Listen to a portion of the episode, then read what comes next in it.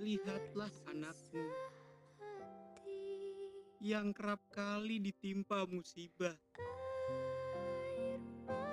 Mulai dari marahnya Merapi hingga virus Covid yang terus menyebar tanpa henti. Bu, lihatlah pemimpin negeri yang lambat dalam mengambil keputusan, bahkan berkesan menyepelekan.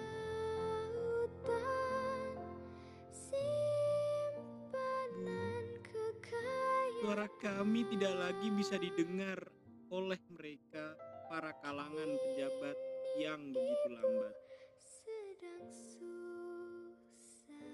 Ibu, lihatlah para penghancur negeri yang akan dibebaskan atas dasar musibah yang belum bisa diselesaikan.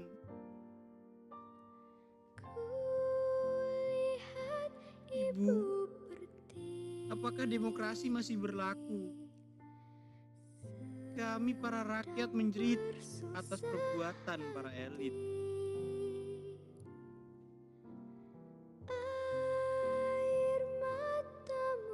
Para rakyat, influencer, semua menggalang dana. Namun kursi DPR justru malah mengadakan paripurna. Kami tak bisa berdaya, Ibu. Semua upaya sirna seiringan dengan rasa percaya. Maafkan kami, Ibu.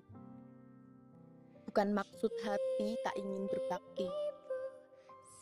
Kami yakin Ibu mendengar.